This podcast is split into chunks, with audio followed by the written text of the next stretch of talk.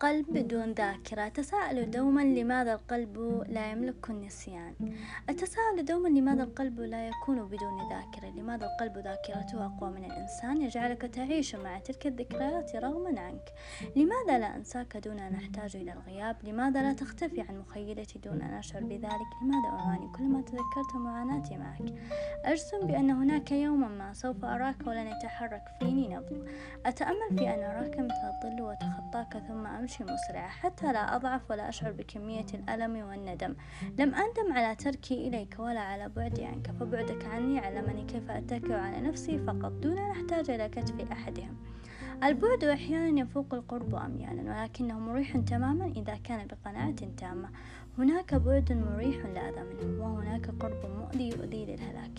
وهناك قلوب اعتدنا أن نراها قوية وإن ضعفت جعلتنا نشعر بالضعف بعدها.